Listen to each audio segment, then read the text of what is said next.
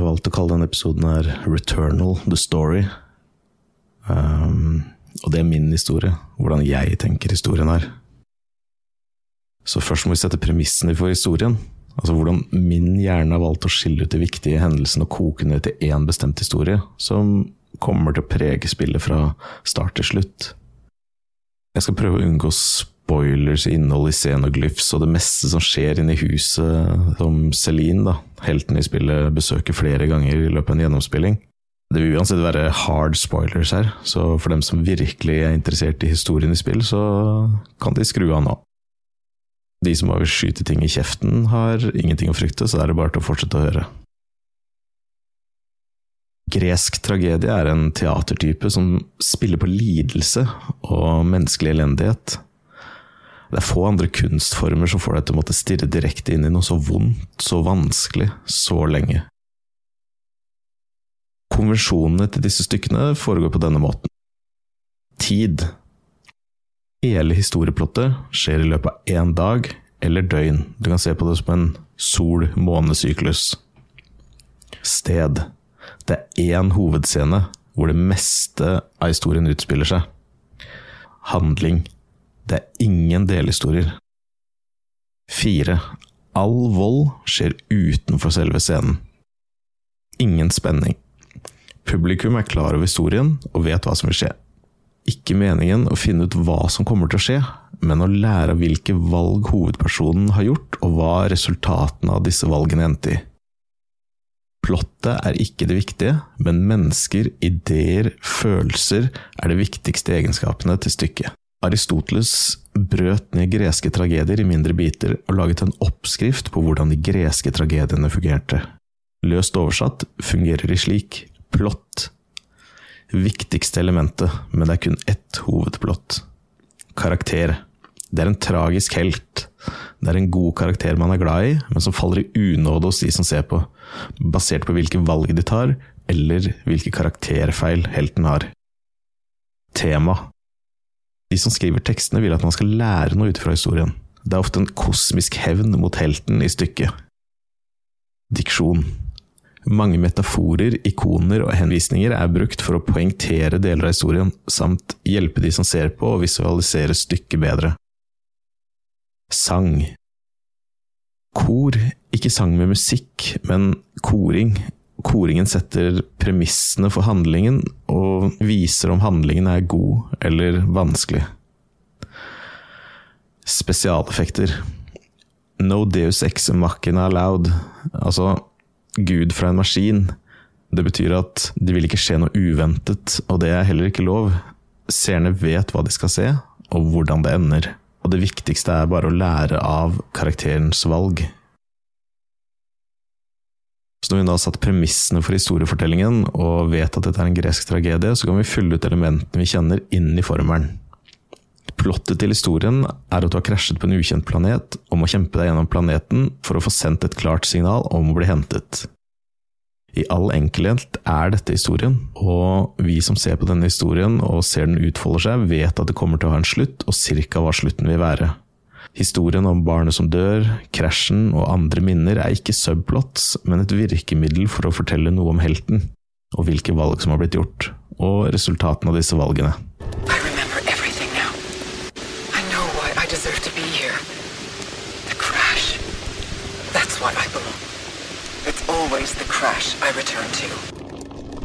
Helten er Celine, en astronaut, tilsynelatende figur med superkrefter som slåss mot det onde.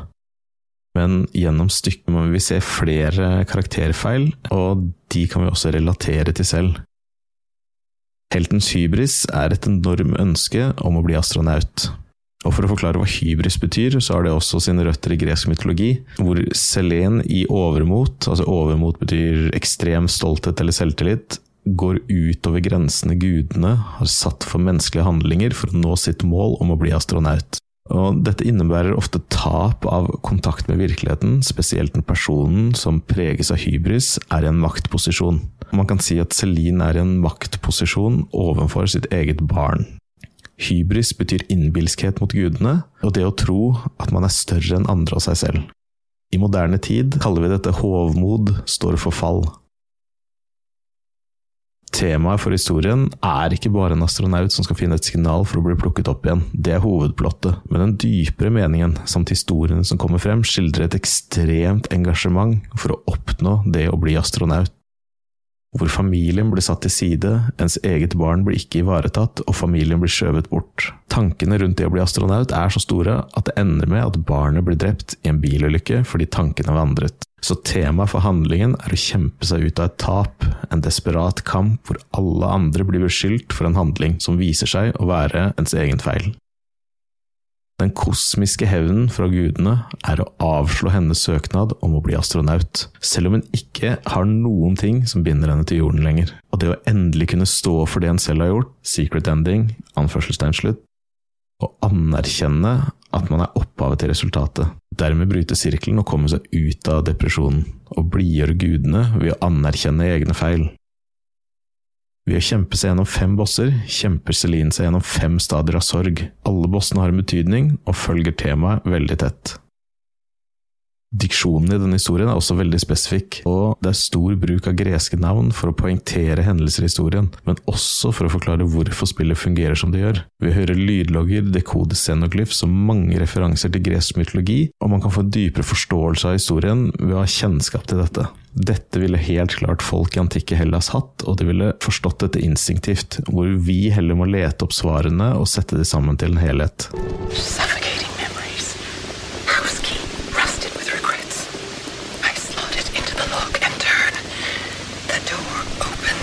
Sekvensen hvor Celine er i huset, beskriver når de ekte følelsene prøver å ta overhånd over den imaginære virkeligheten hun har satt seg i. Det går også senere opp for Celine at planeten skjuler ting for henne, og at valg og konsekvenser har blitt reversert. At valgene blir tatt på bakgrunn av konsekvensene i en litt alternerende universstil. Og dette gjør henne interessert i å endelig møte sine egne demoner. My lifeless, ancient ship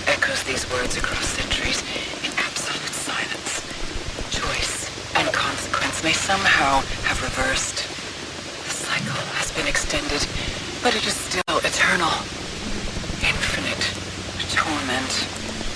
The planet hides secrets, as does the astronaut. My house, myself, and time itself. I will rip out every one of them, wailing from a dark wound. Ingen Deus Ex Machina. Som tilskuer av stykket vet vi hva som skjer, og vår oppfattelse av historien holdes relativt konstant gjennom spillet. Det å ikke kunne gresk teaterkunst er en stor negativ, som vil gjøre at historien blir vanskelig å skjønne, men gitt premissene om at vi levde i antikke Hellas, så ville vi forstått alt veldig godt. Om man lytter til musikken, hører man også at koringen er til stede, og i forskjellig grad setter stemningen for det som blir fortalt. Det artige er også om man ser på konvensjonen om gresk tragedie og setter spillets natur inn i dette regelsettet. Konvensjonen til disse stykkene foregår på denne måten. Tid.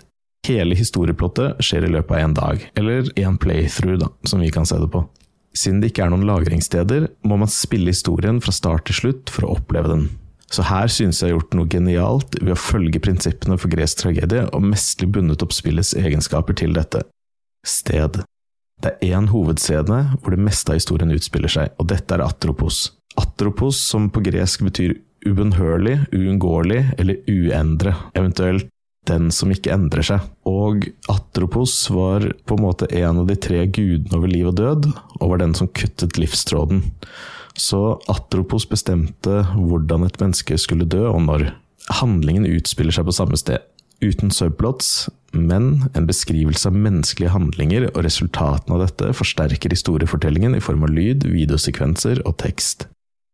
Det er mye vi ikke får sett, men som vi etter hvert kan innbille oss har skjedd, så alle voldelige handlinger skjer utenfor scenen. Men man kan forstå at det har skjedd ting jo lenger man kommer ut i historien. Man er veldig klar over historien, men man får drypp om hva som har skjedd i løpet av gjennomspillinger, som gjerne forsterker eller forklarer historien på en god måte. Vi som publikum får lære av valg og handlinger Celine har gjort, og finner ut hva disse handlingene resulterer i, og hvorfor Celine er i situasjonen hun er i. Det viktigste er plottet, og det er egentlig spillet i sin helhet. Celine kjemper mot mørke krefter og jakter det hvite signalet for å komme seg fri. Henne som menneske og hennes valg samt tanker er delene vi kan lære av. Hennes liv vil aldri bli bedre, men ditt eget liv kan bli bedre dersom du lærer noe av historien. Mennesker gjør feil, og feil leder til forferdelige hendelser. Ofte gjør mennesker feil av gode grunner, men hovmod står for fall. Så med dette er premissene satt, og vi lever i en verden full av lidelse og urettferdighet. Men på den samme siden viser det seg også at hendelser skjer på bakgrunn av våre handlinger, noe som gjør at de er avtakelige av våre handlinger. Vi har en mulighet til å avverge resultater som dette, ved å lære noe av andre situasjoner. I greske tragedier holdes helten ofte tilbake av de døde. Altså de døde har makt over helten, som faller ned i en slags desperasjon de ikke klarer å komme seg ut av. Sjangeren er stilisert, finnes i mange former, men strukturen er fikset. Første sangen på albumet til spillet, laget av Bobby Krilk, heter The Crash, og setter stemningen for spillet. Sangen begynner rolig og skifter takt til et skumlere tema for så å gå inn i korsang, hvor man kan innbille seg at noe hellig skjer, f.eks. at man stiger opp mot himmelen, hvorledes det brått skifter til noe mørkere. Her har da koret satt scenen for spillet, og det som kommer til å utspille seg videre.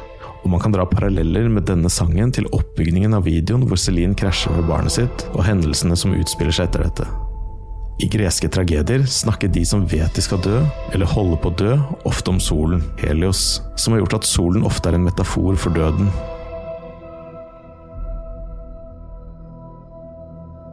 Med dette kan man anta at Celine ikke døde i den krasjen, selv om hun svømte mot det hvite lyset.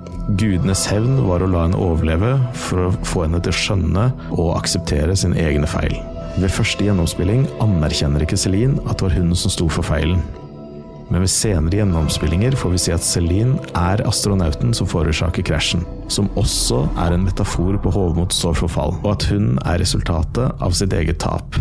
Hennes intense ønske om å bli astronaut, hvor alle andre må lide, resulterer i en kosmisk hevn eller moralsk lærepenge for oss andre. Det er dette Aristoteles kalte katarsis, altså en sjelerensing for oss som tilskuere. Greske tragedier slutter ofte med at man blir drenert for følelser, at man får en traumatisk opplevelse av budskapet, som paradoksalt endrer med å berike deg. Dette er katarsis. Dette gir oss mulighet til å reflektere over våre egne liv, og se at vi deler disse følelsene med andre, og at de er med i tradisjonen om å være menneske. Det finnes mange ignoratio elenchi, red herrings eller avledningsmanøvre i historien som forsøker å få oss på villspor, som Celine sin heterokromia, altså at hun har ett øye av hver farge. Her tenker mange at hun var ungen som satt i bilen mens moren kjørte, at hun opplevde traume som liten. Men min oppfatning er at dette er et direkte resultat av krasjen, og at det er hun som har hatt store skader, traumer, som hun febrilsk prøver å skjule. I videosekvensen hvor man ser Celine kjøre mot astronauten som forårsaker krasjen, får man et nærbilde av Celine, hvor hun ikke har tilstanden heterokromia, som betyr at hun fikk den som følge av traumer etter krasjen. Heterokromia kan også forårsakes av Horners syndrom, som ofte er årsak i skade på halsvirvler som kan sette nerver i klem, noe som også kan bety at Celine sitter i en rullestol med store skader. På bakgrunn av denne krasjen og denne lidelsen blir astronautsøknaden hennes avslått, og Celine faller inn i en dyp depresjon med pillemisbruk, fanget i en rullestol, uten mulighet for å kunne gjøre noen ting. Og det er her jeg tror hun innbiller seg historien, at hun er en modig astronaut som slåss mot det onde og leter etter en mulighet for å sende ut et signal for å komme hjem. Hun er fanget i en evig loop, det er ikke mulig å komme seg ut av denne loopen. Den billedlige bruken av greske ikoner og navn er også spennende, og gjør at vi basert på en gresk tragedie kan sammenfatte en historiefortelling som høres slik ut. Vår helt, Celine, betyr månens gudinne på norsk. Her kan vi se referanser til det som i antikke Hellas betyr å gjøre det samme om og om igjen. Månen er direkte bundet til jorden, og har bare én handling, å stå opp når det er mørkt, og gå ned når det er lyst. Månen representerer de samme stegene hver dag i evighet, og månen er klar over det. På samme måte blir Celine klar over dette i spillet, ved å finne tidligere eksemplarer av seg selv.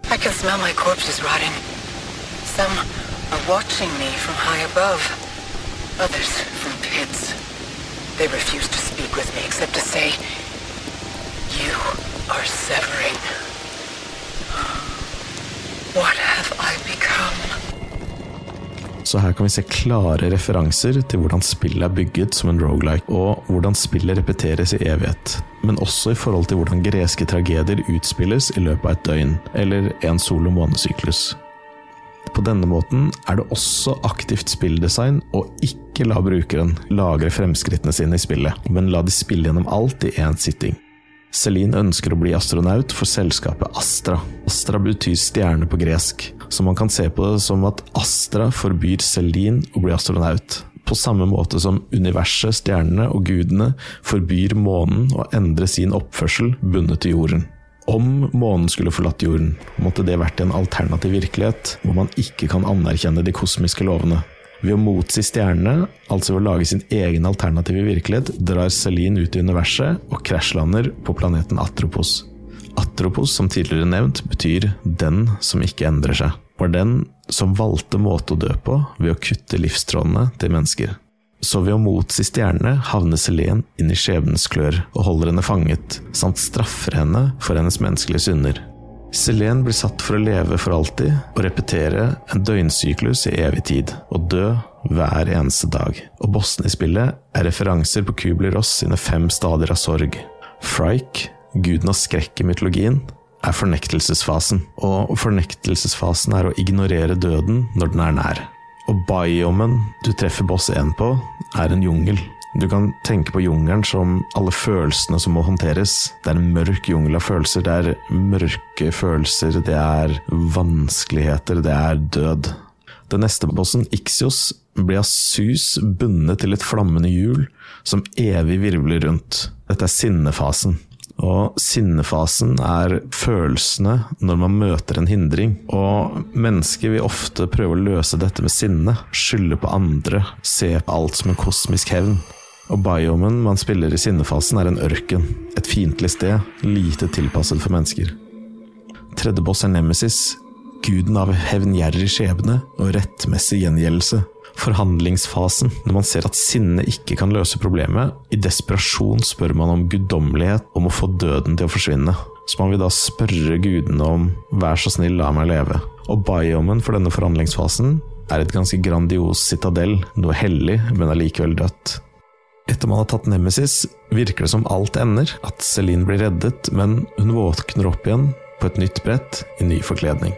Boss nummer fire, Hyperion. Hyperion er faren til Celine i gresk mytologi, og dette er da depresjonsfasen. Og depresjonsfasen oppleves når den forferdelige virkeligheten blir klar, altså følelsen av maktløshet. Celine får da oppleve musikken til sitt barns begravelse igjen, og Hyperion kan man senere lese av en scenoglyf under bossen at det er referanser på at han var faren til Celine i det virkelige liv også. At han spilte på orgel i barnets begravelse, og at hun aldri så eller snakket med han igjen.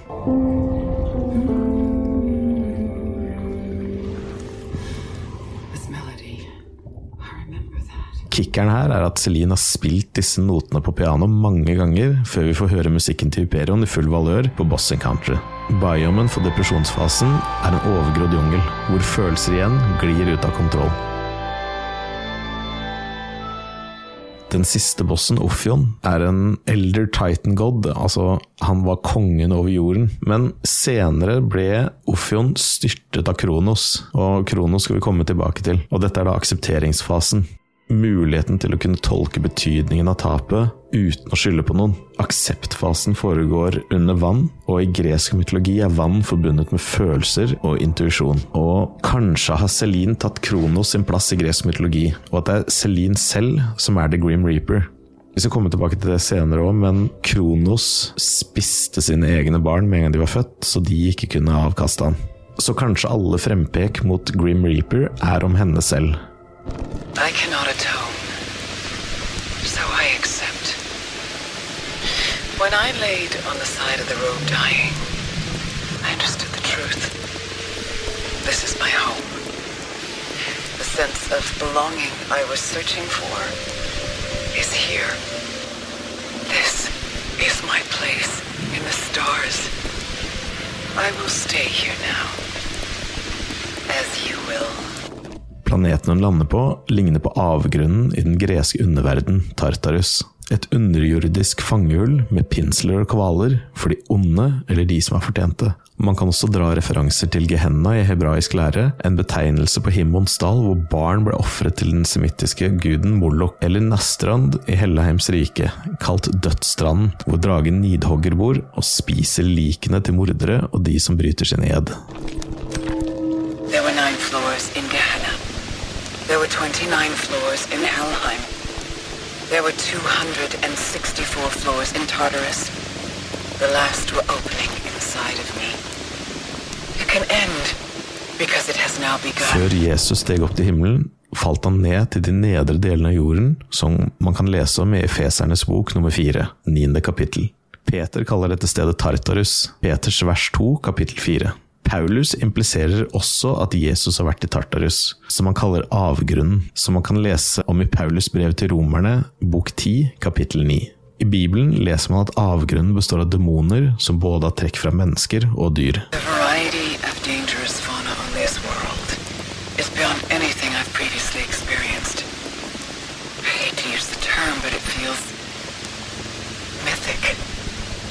It's impossible not to think of my books. Hydras, gorgons, and other monsters returning to life. I Johannes' åpenbaring bok 14 kapittel 9 leser vi videre at Og dette er dommen. At lyset er kommet til verden, og menneskene elsket mørket framfor lyset, for deres gjerninger var onde. For hver den som gjør det onde, hater lyset og kommer ikke til lyset, for at hans gjerninger ikke skal bli refset. Men den som gjør sannheten, kommer til lyset, for at hans gjerninger kan bli åpenbart, for de er gjort i Gud. Så man kan se klare paralleller mellom gresk mytologi og hebraisk tekstkunst fra nulltallet. Så dette har også klare referanser til dagens kristendom og forlatelse i form av Kristi blod. Dette gjør det lett for oss som gikk i søndagsskole å relatere til historien og historiefortellingene. For vi har jo alle blitt tvangsfòret bibelske vers og fortellinger nok til å forstå handlingen 100 ut fra dette. Joke. Siden Celine nekter å ha skyld i alt dette, får vi tegnet et bilde at det er hennes mor som er opphav til alt, og at det er moren som kjørte bilen da barnet døde. Det finnes også referanser til at hun ser for seg sin egen mor i rullestol og ytrer et sterkt hat overfor moren i løpet av spillet. Someone else is here.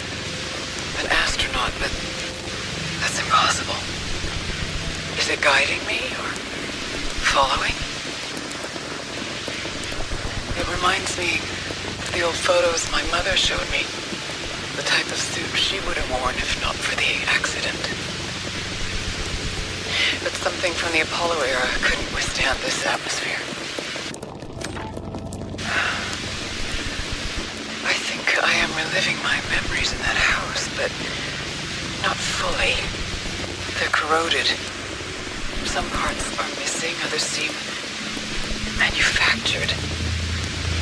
But I can remember the torment, feeling like I was losing my mind. There's no comfort here, no safe space. And the astronaut keeps following me. The woman who was supposed to step on the surface of another world was Mom. Thought she'd be proud of me following in her. where her footsteps may have taken her if she'd had the opportunity. Go where she couldn't? Seeing that house again feels as though she's still judging me. Så Celine har tydeligvis fått stokket om på tanker og minner, og lever i en rolle hvor hun skylder på moren for sine egne feil. Hun gir oss også glimt av hennes far, som er den fjerde bossen i spillet, Hyperion, hvor hun er usikker på om hun har lært Hyperion å spille, eller om det er Hyperion som har lært henne. Man forstår etter hvert at videosekvenser, scenoglyphs, audiologs og annet forkludres av hennes eget sinn og hun lager sine egne tanker om hva som har skjedd, for å ta vekk alle tanker fra det faktumet at det kunne være hennes egen feil. Vi ser også at tanker og minner kommer i feil rekkefølge, og feil personer er brukt i hendelser. Det er Celine sitt inderlige ønske om å endre fortiden som gjør at hennes tanker er forkludret og feil. Det kan hende at tankene rundt moren stemmer, at moren har brutt henne ned mentalt i oppveksten, men det kan også hende at det er henne selv hun snakker om, siden hun var altfor opptatt med å bli astronaut at hun glemte sitt eget barn. Man får også høre en lydsekvens der Celine kjemper for å ikke få avslått sin astronautsøknad, og poengterer at hun ikke har noen ting som binder henne til jorden lenger. Celine klarer ikke akseptere eller håndtere at hun var grunnen til sitt eget barns død, og skylder på moren, faren og andre rundt seg. Det at hun måtte sitte lammet i en rullestol, korrumperer henne enda mer. I caused the downfall. Exquisite sacrifice. When I plunged into the depths, the drowning Sphinx asked me this riddle at the cost of my soul. How do you heal a wound within a body that cannot be healed? Så det at hun reiser skipet Helios kan sidestilles med gresk mytologi sin Chariots of Helios, en metafor om at solen alltid drar fra øst til vest. Gudene nekter henne å dø før hun har akseptert sin skjebne og står inne for det hun har gjort. Så selv om hun beseirer sin fiende, vil alt starte på nytt, helt til hun aksepterer sin skjebne. It is impossible to escape. I have tried everything.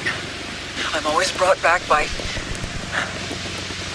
There is a moment between death and rebirth when tentacles drag me down, screaming, drowning, returning. Når man omsider er ferdig med premissene for Secret Ending, som er å sette sammen solen igjen, ser man at Celine er astronauten som fikk henne til å krasje og ta livet av sitt eget barn. Hennes evige jakt på White Shadow er over. En kort sekvens senere hører man Celine svømme til overflaten, og endelig når hun frem til lyset og utbryter Helios. Dette kan være en metafor på at hun endelig fikk lov å dø etter at hun anerkjente at det var hun som sto for tapet av sitt eget barn.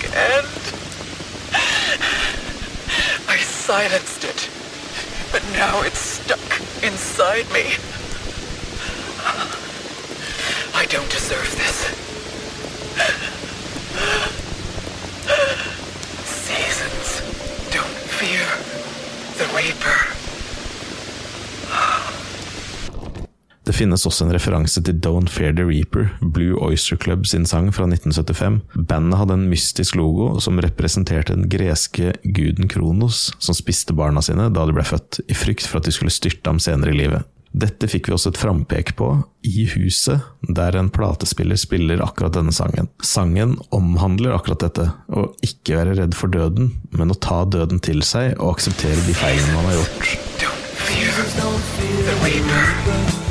Nor do the wind, the sun, or the rain. We can be like they are. Come on, baby. Don't feel the reaper. Baby, take my hand. Don't feel the reaper. We'll be able to fly. Don't feel the reaper. Baby, I'm your